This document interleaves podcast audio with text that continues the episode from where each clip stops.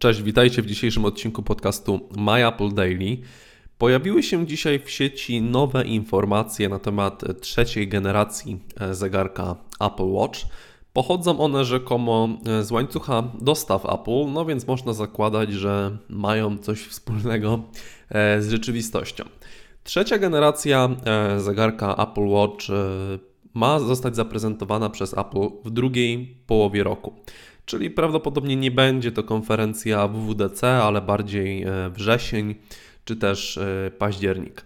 Za produkcję tego urządzenia ma nadal odpowiadać e, firma mm, Quanta, ale ponieważ w sprzedaży nadal po premierze tego Apple Watcha S3 pozostanie Apple Watch S2, część produkcji zostanie przekazana firmie Compal Electronics to tak naprawdę, o ile jakość oczywiście zostanie e, utrzymana, nie interesuje zbytnio nas, e, użytkowników.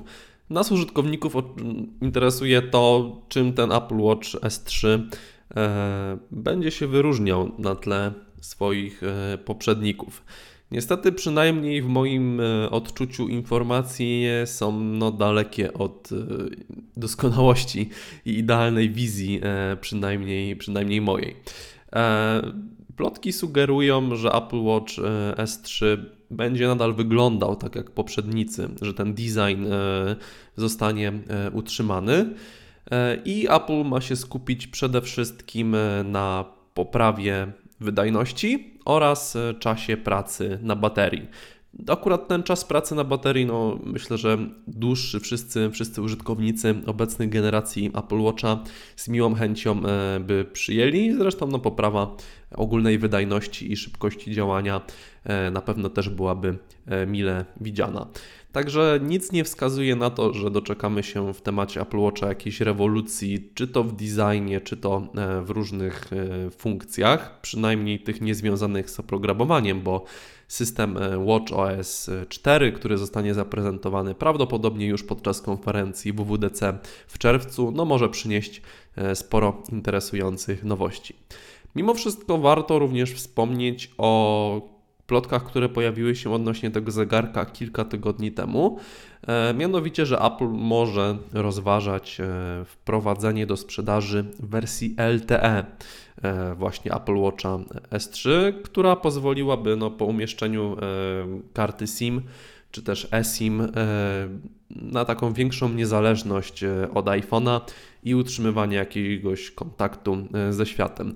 Ja przypomnę, że takie smartwatche pojawiły się już na rynku wcześniej. Między innymi Samsung miał właśnie E, taki zegarek, taką, taką dużą bransoletę tak naprawdę, do której można było włożyć e, kartę SIM, no i mieć kontakt e, czy to z internetem, czy, czy odbierać połączenia głosowe, czy też nawet odpisywać na SMS-y. No na tym relatywnie małym ekranie, ale no zawsze w jakichś sytuacjach kryzysowych, na przykład nie wiem, podczas biegania czy jakiegoś wyjścia z domu bez telefonu, mogłoby się to okazać przydatne. Ja przyznam szczerze, że to, co dla mnie jest jedną z największych wad e, obecnych generacji zegarka Apple Watch, to jest właśnie design. E, nie, wiem, że o gustach się e, nie dyskutuje, więc tutaj pewnie każdy z Was ma mm, jakieś indywidualne podejście do tego, jak te urządzenia wyglądają. No mi one niespecjalnie już od pierwszej generacji przypadły do gustu i nie za bardzo potrafię się przekonać po prostu do tego, jak, jak Apple Watch e, wygląda. Natomiast e, z uwagą śledzę e, rozwój tego urządzenia, bo przynajmniej te funkcje fitnessowe bardzo mi się w nim podobają i ciekaw jestem, w jaką stronę Apple pójdzie z zegarkiem Apple Watch przy okazji premiery Watch OS 4 w czerwcu, bo to chyba będzie dużo ciekawszym wydarzeniem niż premiera Apple Watcha S3.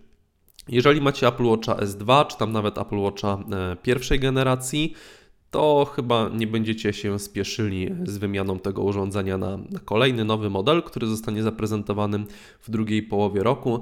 No chyba, że plotki okażą się niekompletne i Apple jednak szykuje coś bardziej wyjątkowego. Koniecznie dajcie znać w komentarzach, czego oczekujecie zarówno od hardware'u Apple Watcha, na przykład e, innego designu, właśnie tego slotu e, na karty SIM, e, czy też jakichś innych, jakichś czujników biometrycznych itd., tak itd. Tak Może jesteście biegaczami, więc macie tutaj większą wiedzę na przykład na ten temat, bo korzystacie ze sprzętu Garmina, czy też innych tego typu firm. I też podzielcie się w komentarzu swoją opinią dotyczącą oprogramowania, czyli systemu WatchOS czego oczekujecie w tym temacie, czy jakichś zmian związanych z interfejsem, czy też nowych e, funkcji. Czekamy na Wasze komentarze i słyszymy się już jutro. Na razie, cześć.